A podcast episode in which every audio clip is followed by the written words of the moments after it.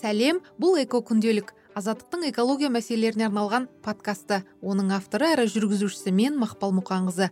Бүгін жаңа заттардан бас тартып перма мәдениетпен айналыса бастаған экофермер лейла мұхидиновамен әңгімелесеміз.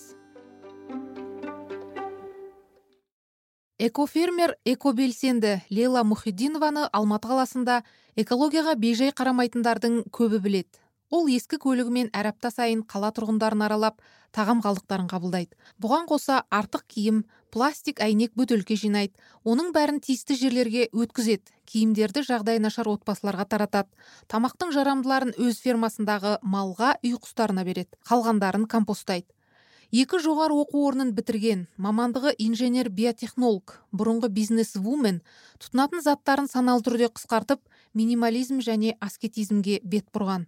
Ол суды үнемдеу үшін канализациядан да бас тартқан фудшерингпен тамақтанады. Оның жаңа киім алмағанына жиырма жылға жуықтаған. Азық түлік дүкендеріне де өте сирек бас сұғады.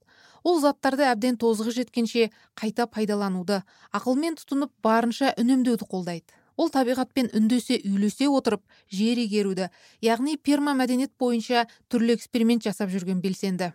Экофермермен біз алматы орталығындағы көпқабатты үйлердің маңында кездестік. Оның қолында ескі джинсыдан тігілген сөмке болды. Экобелсенді орысша сөйлегендіктен оның сөздерін аударып беріп отырмын. Вещи. Я вообще сейчас говорю о том, что нужно такой тренд запустить, чтобы было модно носить бэушное, чтобы было не модно покупать какие-то пафосные платья. Вот қазір пафос... киілген киімдерді кию сән тренд болуы керек.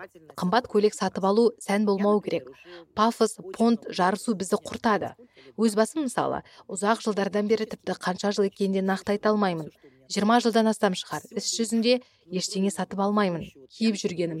Үйдегі заттарымның бәрі қолданылған заттар. Бәлкім тіс щеткам ғана жаңа шығар. Не покупаю ничего. Все что на мне все что у меня дома все бэушное. Ну кроме может быть там зубной щетки экобелсенді төрт жыл бұрын ватсаптан топ құрған. Қазір онда жүзден астам адам бар.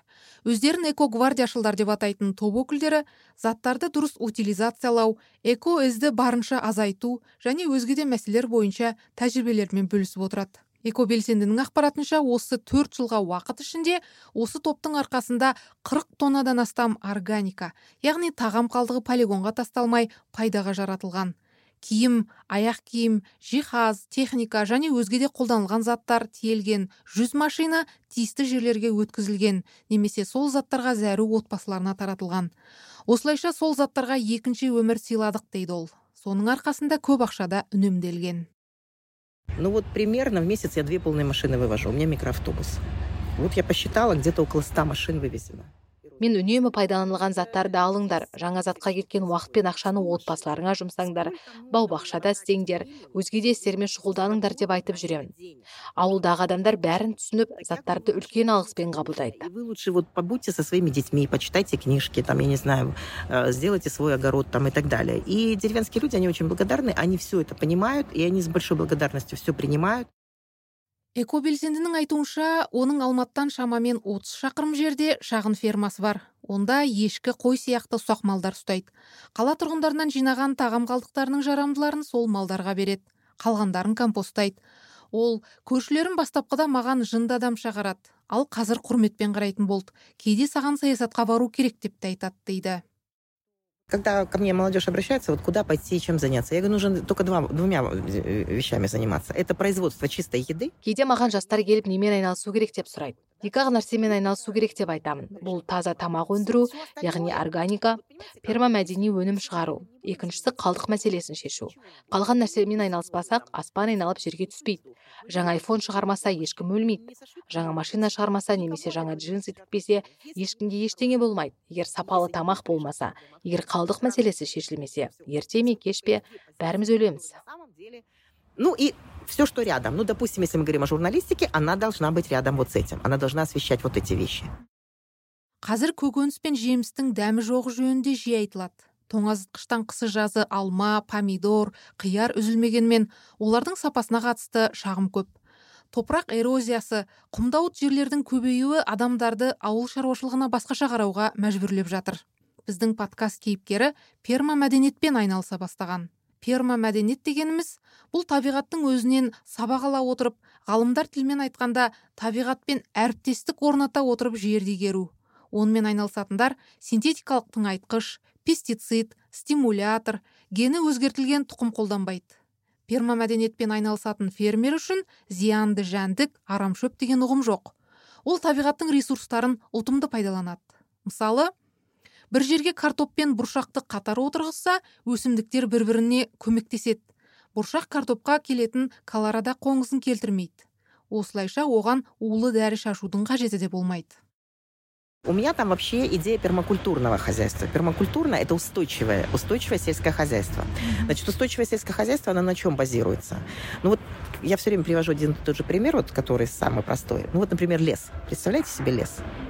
Там кто-нибудь сажает что-нибудь, там кто-нибудь пропалывает или какие-нибудь удобрения, или поливает, никто ничего не делает, оно само растет. пермамәдениет бұл тұрақты ауыл шаруашылығы ол неге негізделеді мен ылғи мынадай қарапайым мысал келтіріп жүрмін. Мысалы орман. Ол жерде біреу бір нәрсе отырғызып жатыр ма біреу әрбір ағаштың түбін отап жатыр ма тыңайтқыш беріп жатыр ма ешкім ештеңе істеген жоқ. Ол өзінен өзі өсіп жатыр. Неге? Себебі бұл экологиялық тұрақты жүйе. Өткен ғасырдың ортасында австралия жапония америкада пермамәдениетпен айналысатындар пайда болды. Олар адам отырғызған нәрсенің бәрінің өсуі неге қиын деген сұрақ қояды. Оларда суғару керек отау керек гербицид пестицид беру керек комбайн керек. Бұдан кейін жер құнарсызданып керісінше сортаңға айналады. Себебі біз үнемі табиғатқа қарсы жүріп келеміз. Біз бәрінен жақсы білеміз деген нәрсені өзімізге сіңіріп алғанбыз. Шын мәнінде ештеңе білмейміз. Қазір мен өзім пермакультуралық дизайн дамытып жатырмын. Оның ерекшелігі неде? Мысалы менің фермамда жаңбыр бар. Бірақ жер тегіс болмағандықтан жаңбырдың бәрі ағып кетеді. Құдды ештеңе жаумағандай. Арнайы арық жүйесі бар. Волоканав деп атайды. Жаңбыр суын тиімді пайдалану үшін сондай арықтарды пайдаланғым келеді. Мұндай арықтарды табиғаттың өз деңгейіне қарап жасайды. Өте терең қазбайды одан кейін сол арықтарға қарағаш күнбағыс дәндерін шашамын. Олар өздері ақ өсіп кетеді. Күні түні су құюдың да қажеті жоқ. Неге? Себебі олар жылдар бойы осы жерге өсіп келеді. Міне тұрақты деп осыны айтамыз. Бір рет өсірдің бе бітті. Қалған жағдайда табиғаттың өзі жасайды. Опять же, вот мы там посадили, вот смотрите, вот это вот, вот они, видите, это кашка. Вот это, это вот это дерево. Я в этом году сделала эксперимент. Я собрала вот эту кашку, она валялась на дороге везде. Привезла к себе туда, накидала, немножко полила. Уже вот такие вот у меня саженцы. Уже. А мне таких две с половиной тысячи надо. Все, в следующий год я их не буду пересаживать. Я в следующий год вот эту волоконаву, ну, в этом году я волоконаву выкопаю и туда закидаю просто. Все. Что вырастет, то вырастет. экобелсенді биыл осындай тәжірибе жасап қарағаш өсіріп көргенін қаулап шығып келе жатқанын да айтты ол пермамәдениетке қызыққан кез келген адамды фермасын көруге шақырады. Ол алматы қаласы маңында осындай пермамәдени белдеу жасаса қала бір оқпен екі емес бірнеше қоянды атар еді дейді. Оның пікірінше мұны тіпті ұлттық деңгейге де көтеруге болады. Экофермер бір тиын шығармай ақ қоршаған ортаға оң әсер ететін қадамдар туралы айтты. Обычно пугает, что вот денег у нас нет, у нас там то, у нас все, у нас э, нет денег, в общем. Ну, если не воровать, так они бы были, конечно. Ну, вот нет денег. Нет, уже своровали, все, нету денег. Хорошо. Но есть политическая воля. Например, какие-то простые шаги. Какие? Самые простые. Первое. Запретить ввоз неперерабатываемого пластика. Ну, например, там шестерку, семерку и так далее, да? То есть, окей, я не говорю весь пластик запретить, хотя, хотя можно и весь пластик запретить, да? Ну, хорошо Вот прямо издаем указ и огромные штрафы. Знаешь, когда я поняла, что это может реально сработать? Когда при ковиде за месяц приучили всех носить маски.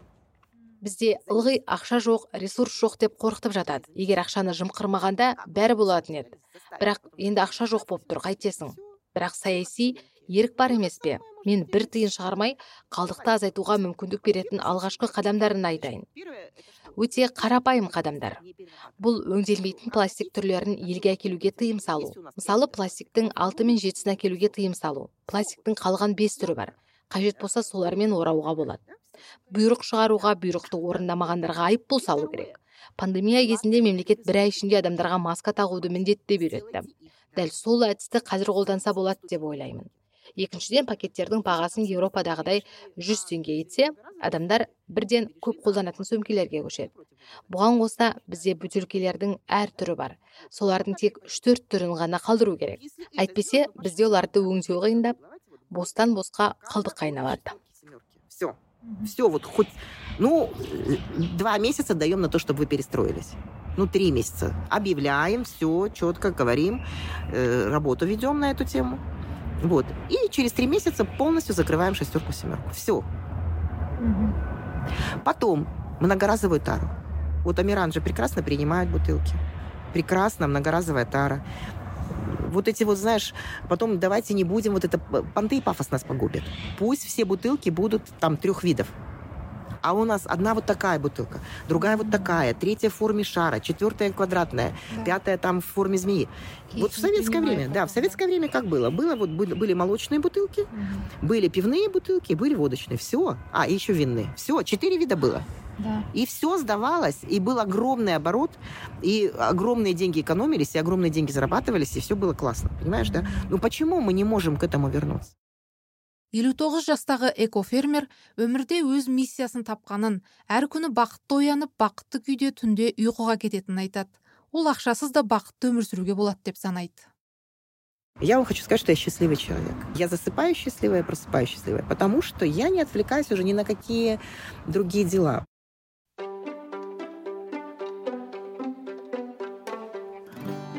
Эко күнделіктің қалдықсыз өмір және перма мәдениет жайлы эпизоды осымен аяқталды. Эко күнделікті азаттық сайтынан apple google подкаст азаттықтың YouTube парақшасынан спотифайдан тыңдай аласыздар. Сау болыңыздар.